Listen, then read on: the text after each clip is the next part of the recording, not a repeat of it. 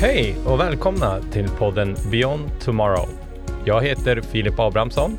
Och jag heter Robert Wilén. Och i dagens program ska vi fokusera på processanläggningskonstruktion. Hur håller man koll på all dokumentation? Varför är det här så viktigt? Och varför är det startups mer ivriga att hitta system för det här jämfört med de stora och etablerade företagen? Allt det här och mycket mer kommer vi att avhandla idag. Varmt välkommen!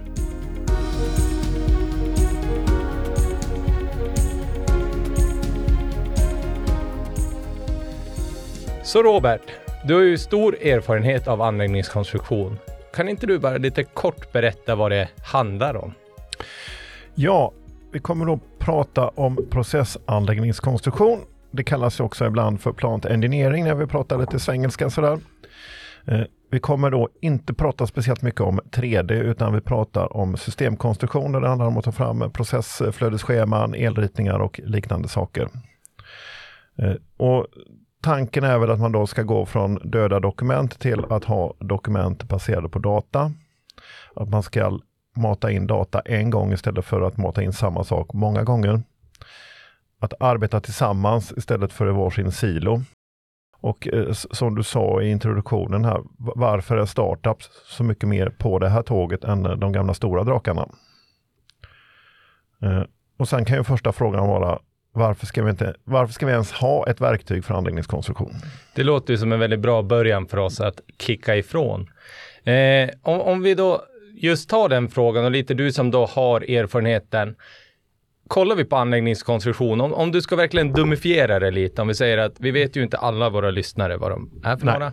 Så bara en liten snabb intro kring det. Va, va, varför an, vad används anläggningskonstruktion till egentligen? Jo, om man ska göra någon form av processanläggning, låt oss ta ett reningsverk som exempel, så behöver man ju dimensionera den utrustningen som är det, det är ett processarbete att räkna ut hur mycket kapacitet värmeväktare ska ha och och pumpar ska få kapacitet och grejer. För att förstå hur konstruktionen, hur anläggningen kommer fungera så gör man först ett eh, processflödesschema eller PNID som det heter. Eh, och kopplat till det tar man då fram datablad på all den viktiga processutrustningen. Eh, exakt hur stora de är, vilken kapacitet de ska ha, material, vilka medier som är i och så vidare. Eh, det tas fram ganska mycket lister på, på mer bulkmaterial såsom ventiler, rör eh, och annat som sitter i rören oftast. Eh, självklart gör man samma sak på elsidan där det krävs ganska mycket olika former av schemaritningar för att göra den kompletta eldokumentationen. Och även där är det då kabellister och motorlister och annat som behöver tas fram. Och detta är då underlag för alla de inblandade disciplinerna. Eh, el och instrument, de behöver få underlag från process.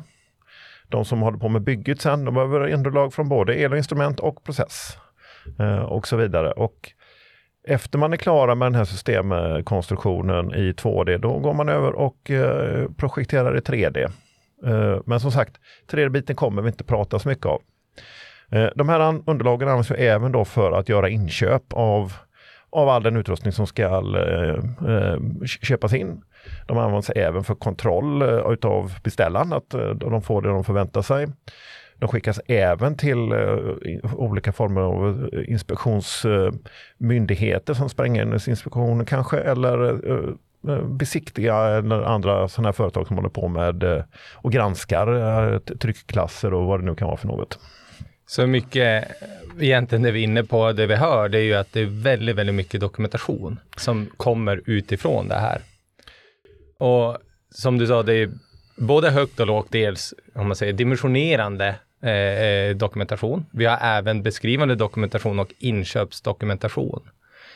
Om vi säger så här, i dagsläget då när man är ute och tittar hos olika företag och, och tittar på de här dokumentationen, ungefär hur skulle det kunna se ut? Om vi tar verkligen, verkligen worst case. Eh, hur, hur skulle det se ut då rent dokumentationsmässigt? Då, då, då har man ju kanske då i worst case så är det ju olika företag som eh, eh kör respektive disciplin. Så det är ett företag i Stockholm som sitter och gör processdesignen. Sen har vi en elkonstruktör i Göteborg och en instrumentkonstruktör i Malmö till exempel. Eh, de, sitter i varsitt eh, eh, ritsystem, oftast AutoCAD-baserat. Man ritar upp sina ritningar och sen så redan på ritningen fyller man i en viss grunddata som behöver synas på, på flödesschemat. Sen så skriver man ett datablad där du skriver delvis samma data som du redan skrivit på PIDen. Du skriver någon form av specifikation som kanske är gjord i Word eller liknande och eh, det där skriver du återigen lite grann samma information. Du gör flera olika former av listor där samma objekt är med i olika listor. Du har någon ventillista, du har någon eh, instrumentlista och så vidare. Och hela tiden så stansar du in samma information om och om igen. Och det är jobbigt första gången. Problemet är ju att det här är en iterativ process, så allting kommer att ändra sig. Det är inte för att folk är dumma och inkompetenta som den säger, utan det är en iterativ process. Så att ändring av data är en del av jobbet. Ju mer vi lär oss om anläggningen, ju mer behöver vi skruva på, eh, på allting. Eh, och då ska du plötsligt ändra samma flöde på sju olika ställen. Oddsen att man kommer ihåg alla de här sju ställena är, åtminstone om jag gör det, inte sådär jättebra. Nej, det är väl den verkligheten man kommer om man kommer på andra sidan av eh, konstruktionsbiten, alltså att när du är och förvaltare som kanske jag har mer eh, bakgrunden inom. Ja. Att där man jobbar och så tittar man på dokumentationen så bara, ah, vad handlar det här om? Eh, eh, den är ju en ganska stor risk när vi gör så här, eller när det blir så här och det är väldigt naturligt just som du beskriver också när vi har då 17 olika instanser som ska försöka samarbeta utan att egentligen ha en naturlig grund att stå och samarbeta ifrån. Ja, Och lite där jag tänker då om, om vi då, nu, nu snackar jag lite worst case, men om vi då vänder till då att såklart så måste det finnas något bättre sätt att göra det här på. Alltså om Ja. vi bara tänker på de initialt med dokumenten. Vad skulle då kunna vara ett bättre sätt för oss att hantera det eller för företag i- generellt? det är då att använda ett system som inte är att man har separat hantering av data respektive ritningar utan att allt är ett system. För idag är det ju oftast Excel som man sköter datan i. Eh, och så något CAD-program för själva ritandet. Eh, och det blir många Excel-filer helt enkelt. Utan kunde man ha ett system där allt finns samlat eh, och anger man en eh, eh, kapacitet på en pump så kommer den kapaciteten komma med i alla dokument för du läser från samma källa hela tiden. Så det finns liksom en single source to truth. Liksom. Precis, Mm. mycket väl formulerat. Eh, nu pratade jag ju ganska mycket om hur det kan vara man tar fram en lösning, men tyvärr så kan det även bli så att man behöver ta fram lite alternativa lösningar, för man vet inte beroende på om man kommer välja den utrustningen eller den utrustningen så kommer man behöva kanske två små värmeväxlare eller en stor. Så att man behöver många gånger göra lite alternativa lösningar. Är det något du vill utveckla?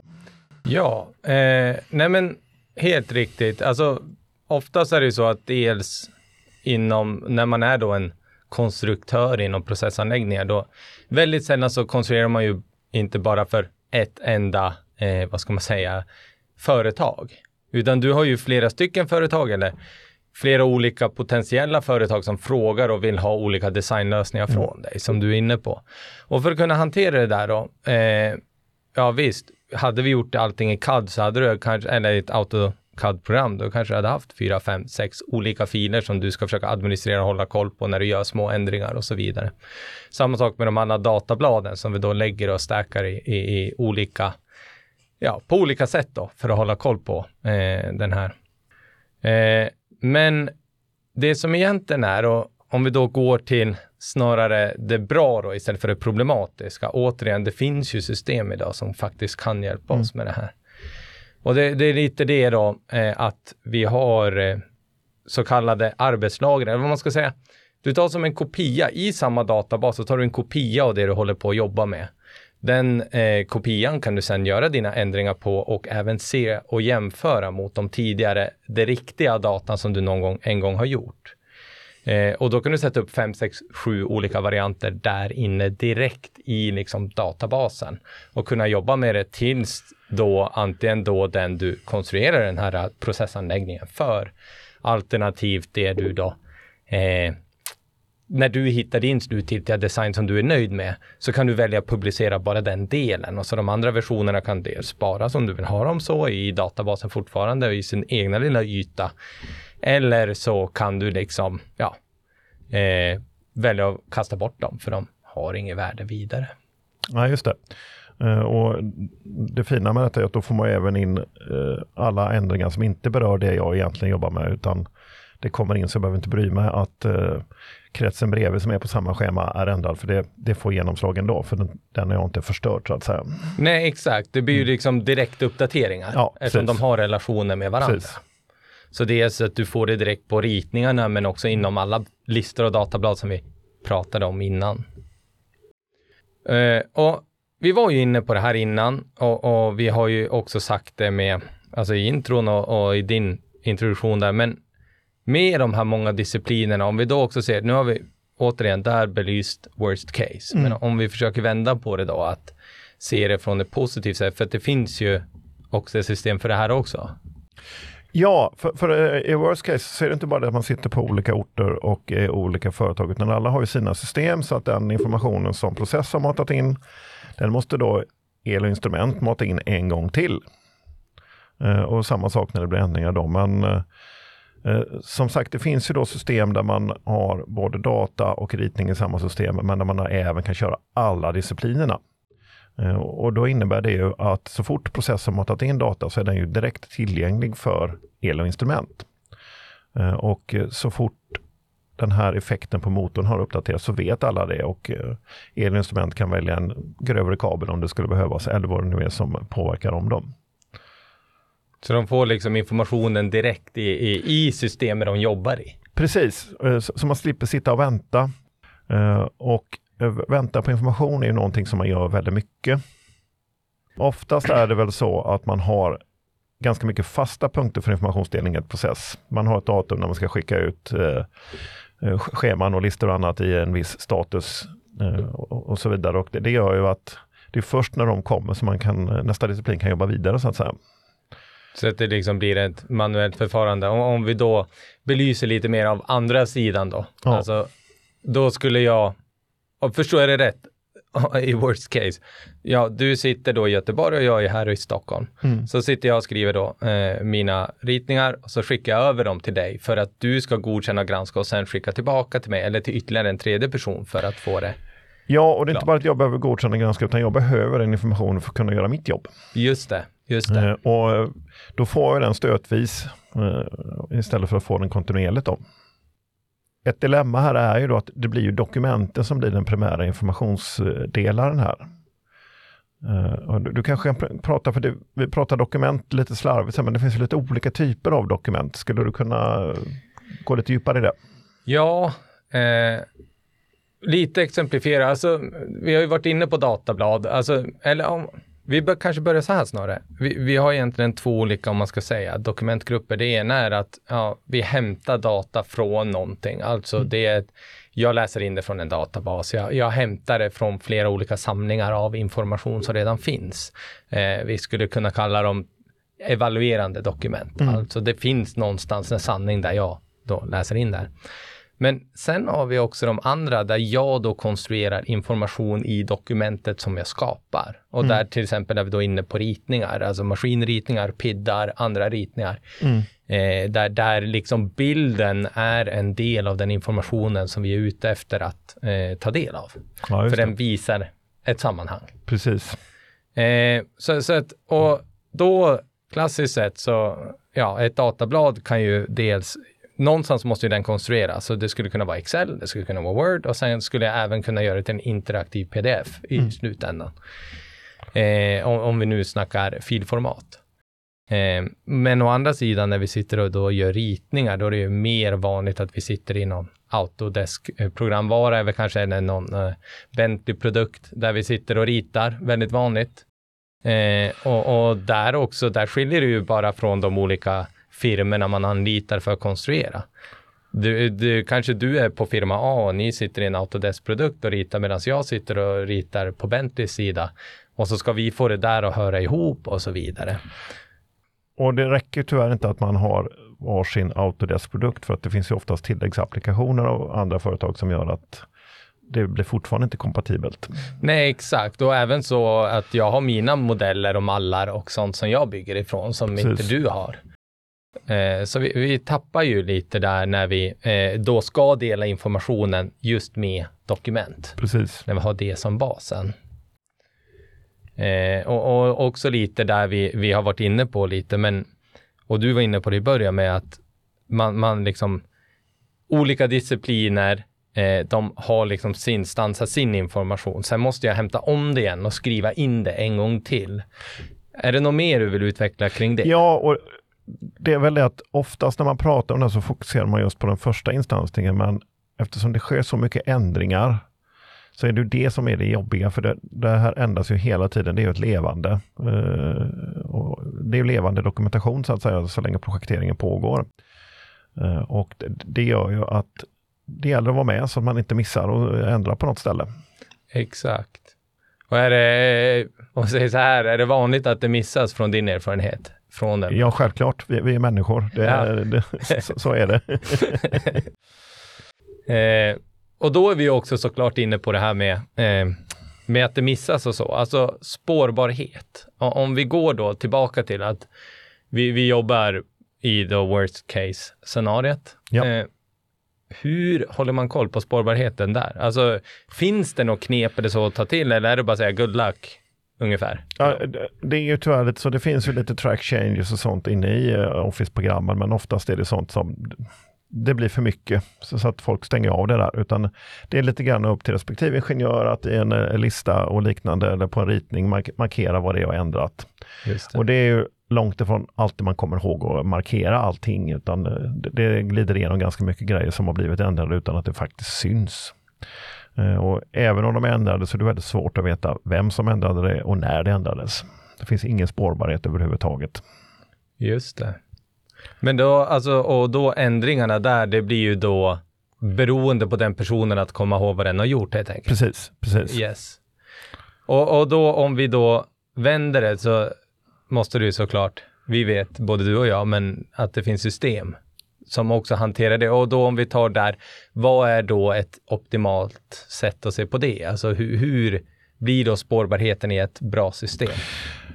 Då håller systemet reda på vem som ändrade datan och när och ser till att det blir markeringar i alla dokument på det, allt som har ändrats sedan föregående revision.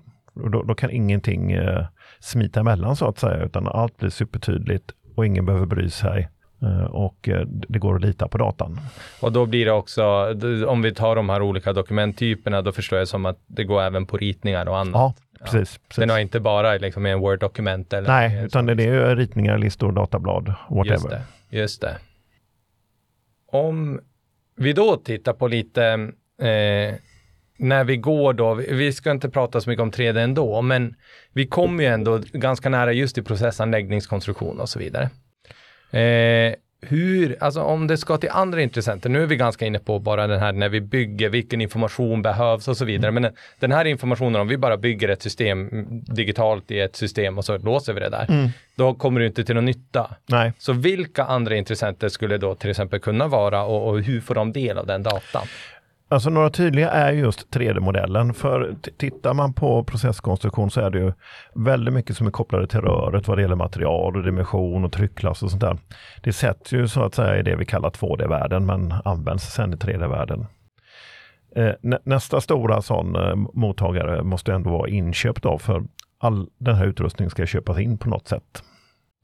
Eh, och kunde man då få över det digitalt till ett inköpssystem istället för att hålla på och skyffla papper och så här så hade det varit jättebra.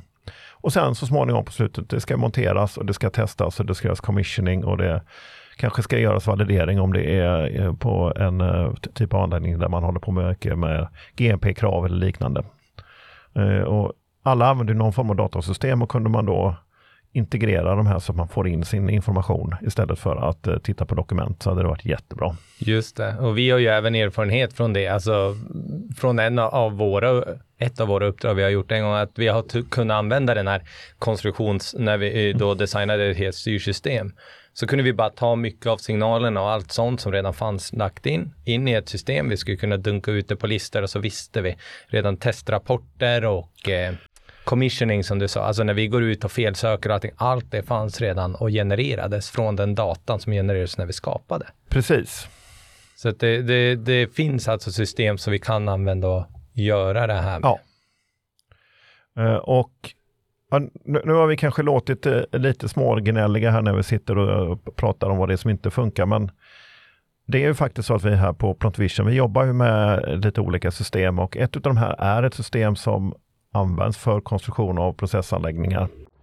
Eh, där alla disciplinerna faktiskt jobbar i samma system, eh, där alla former av dokument är en rapport ut ur databasen. Eh, vilket gör att du matar in data en gång och systemet håller reda på alla förändringar. Det finns en 100% spårbarhet. Eh, och totalt sett så sparar man ganska mycket ledtid för att folk behöver inte sitta och vänta på någon annan disciplin, utan allt är i samma system. Jag vet inte om du vill komplettera något kring detta? Nej, alltså det var ganska mycket right on. Mm. Eh, man kan väl säga så, jag tror inte vi heller ska sticka under stolen med vilket systemet är, utan vi, vi är ju stora förespråkare, speciellt du och jag. Mm. Och det är ju Siemens Komos vi jobbar väldigt mycket med det och det är det kanske vårat specialområde i det produktmässigt. Men vi har ju många liknande produkter också och kunskapen, det bygger ju på samma stora grund. Ja, alltså informationsdelning på rätt sätt igenom och så vidare. Precis. Men det som kanske gör Komos lite mer unikt här i, i just processanläggningskonstruktion, det är just att det också är designat just för processanläggningskonstruktion, alltså, eller processanläggningar i stort. Eh, och även har en väldigt naturlig del till en integrationspunkt för andra system. Det vi sa att när vi kommer till andra discipliner och så, så är det väldigt enkelt att ta den tekniska datan som vi då har lagrat eller byggt eller genererat härifrån och få det att utbytas med andra databaser som finns runt om. Man kan integrera mot i stort sett vad man vill, men det finns helt färdiga integrationspunkter mot de vanligaste 3D-CAD-systemen för anläggningskonstruktion skulle jag säga och för en hel del styrsystem. Och även inköpssystem ja, också, alltså, eller precis. ERP då vi har eh, för då inköpshanteringen. Precis. Eh, och där också, alltså Komos som sådant, och det har vi pratat om i en tidigare podcast som man kan gå tillbaka och lyssna på, men där har vi pratat om från den sidan som jag egentligen kommer, där jag förvaltar datan, så det är liksom två ben i det, så att den täcker både konstruktionsdelen och sen den andra delen. Men vi går inte så mycket in på Nej. den delen här. Och naturligtvis är det optimalt om man kan eh, i samma anläggning använda båda benen, men eh, det finns absolut inget krav i det, utan du kan konstruera eh, och sen används det inte, eller tvärtom att du jobbar bara med förvaltningen för att det konstrueras på något annat sätt. Men vi har ju sett en liten konstig grej kan man väl säga då när vi tittar på de nya kunderna vi har här att det är ganska mycket små startupbolag som har valt Komos. Oftast jobbar de med någon form av miljöteknik. Det kan vara däckåtervinning eller fosfor eh, eh återvinning och andra sådana här grejer. Eh, och man är ganska tidigt i sin eh, resa. Medan de lite större mogna bolagen, de är lite grann kvar i AutoCAD Excel eh, träsket om man kallar det så, eh, lite raljant. Eh, varför tror du det är så? Vad bra att du sa tror, för mm. där jag, jag, jag har inget definitivt svar. Eh, men eh, det jag, eller kanske vi har sett när vi har varit runt och jobbat då, allt med informationshantering, det är ju att om man går tillbaka till med väl etablerade stora företag med stora organisationer som har funnits länge så har de väldigt, väldigt mycket i sitt bagage. Alltså, det är, det är mycket gammal data, mm. dels, eh, som man är rädd om att ha sina. Man har sina arbetssätt som man har etablerat och att då försöka få in ett helt nytt tankesätt i en stor organisation där det har funnits länge är ganska trögjobbat. Och, och det krävs väldigt mycket för att det är väldigt många som ska ändra arbetssätt eller ja. tänka om i sitt eh, sätt att arbeta. Eh, Medan de här då som lite mer startup, de lever redan på, liksom, vad ska man säga, de har ju redan lite mer farten med sig eh, sen innan. De har en annan energi, de ser mycket positivt med ny teknik. Ja. Eh, digitalisering är ju ett buzzword som går runt och de hoppar gärna på nya saker för att det är just vad de gör. Startups är ju oftast, speciellt inom tech, är Ja. ju väldigt, väldigt on edge och då vill de ju vara det. Är det, det är väl ungefär det jag har Ja. sett. Och sen har man ju ingen ryggsäck utan man har oftast inga system överhuvudtaget och då måste man köpa något och då kan man ju titta med lite mer från ett blankt papper och titta vad, vad borde vi ha istället. Och Ja, så är det väl det. oftast kanske lite yngre människor inblandade dessutom som gör att man eh, inte riktigt är fast i de gamla hjulen där. Nej, exakt. Alltså, jag kan ju bara ta från min egen erfarenhet. Alltså, jag skulle ju, även fast det är kul att sitta och rita på en ritplatta, Mm. Det är ju ingenting, det är ju inte många som gör det idag heller, Nej. men det är många som kommer från den världen. Ja, Och då att ta det stora steget till, från ritplatta till AutoCAD, sen från AutoCAD till och så vidare. ja, Nu, nu blir det liksom så här, jaha, men när jag då ska jobba så ska det här informationen lagras i en databas. Och, och frågan är väl, kanske inte alla vet vad en databas är Nej. egentligen. Eller vad det handlar om. Man behöver inte veta exakt vad det är, men det kanske låter som, jaha, men ska allt bara in någonstans och ligga? Ungefär så. Om vi summerar lite vad vi här har filosoferat om, eh, så har vi ju lite kring då processanläggningsfunktion. Vi, vi har dels belyst mycket av problematiken ja, som finns med eh, att vi har ja, gått igenom att det finns väldigt mycket data Ja. som vi vill på något sätt att man ska ta hand om för att det finns ju värde i data. Idag är ju det är värt väldigt, väldigt mycket. precis. Eh, men sen har vi också ur problempunkten visat att det är också väldigt, väldigt mycket, eh, vad ska man säga, spridda öar eller vi sitter isolerade ofta också, att informationen kommer från ett visst håll och när det har levererats, då var det det som levererades och sen är det slut. Det lever liksom inte vidare. Nej, precis. Eh, och om vi då vänder på det då och du försöker dra ihop det positiva med det vad, och sammanfatta det vi har då sagt att det finns system för det. Vad är våra key takeaways på den sidan? Det är det att man har ett system där alla discipliner jobbar och att systemet håller reda på all information och dokumenten genereras utifrån data. Man matar in information en gång och det finns en full spårbarhet där. Det är väl det som är de stora grejerna egentligen. Och det, det sammanfattar ju egentligen allting i det. Ja. Att vi har allting samlat på ett ställe och Precis. kan utbyta det Ja. sen. Det gör ju det så mycket, mycket enklare. Bra, då har vi väl kommit till slutet av den här podden. Så tack för att ni lyssnade till mitt och Filips samtal om processanläggningskonstruktion. Om du vill höra mer om detta, läs mer om oss eller komma i kontakt med experter inom området kan du besöka oss på webben www.plantvision.se. Jag heter Robert Filén och jag hoppas att ni, ni har fått lite inspiration för er framtida digitaliseringsresa inom konstruktion idag. Tack för att ni lyssnade.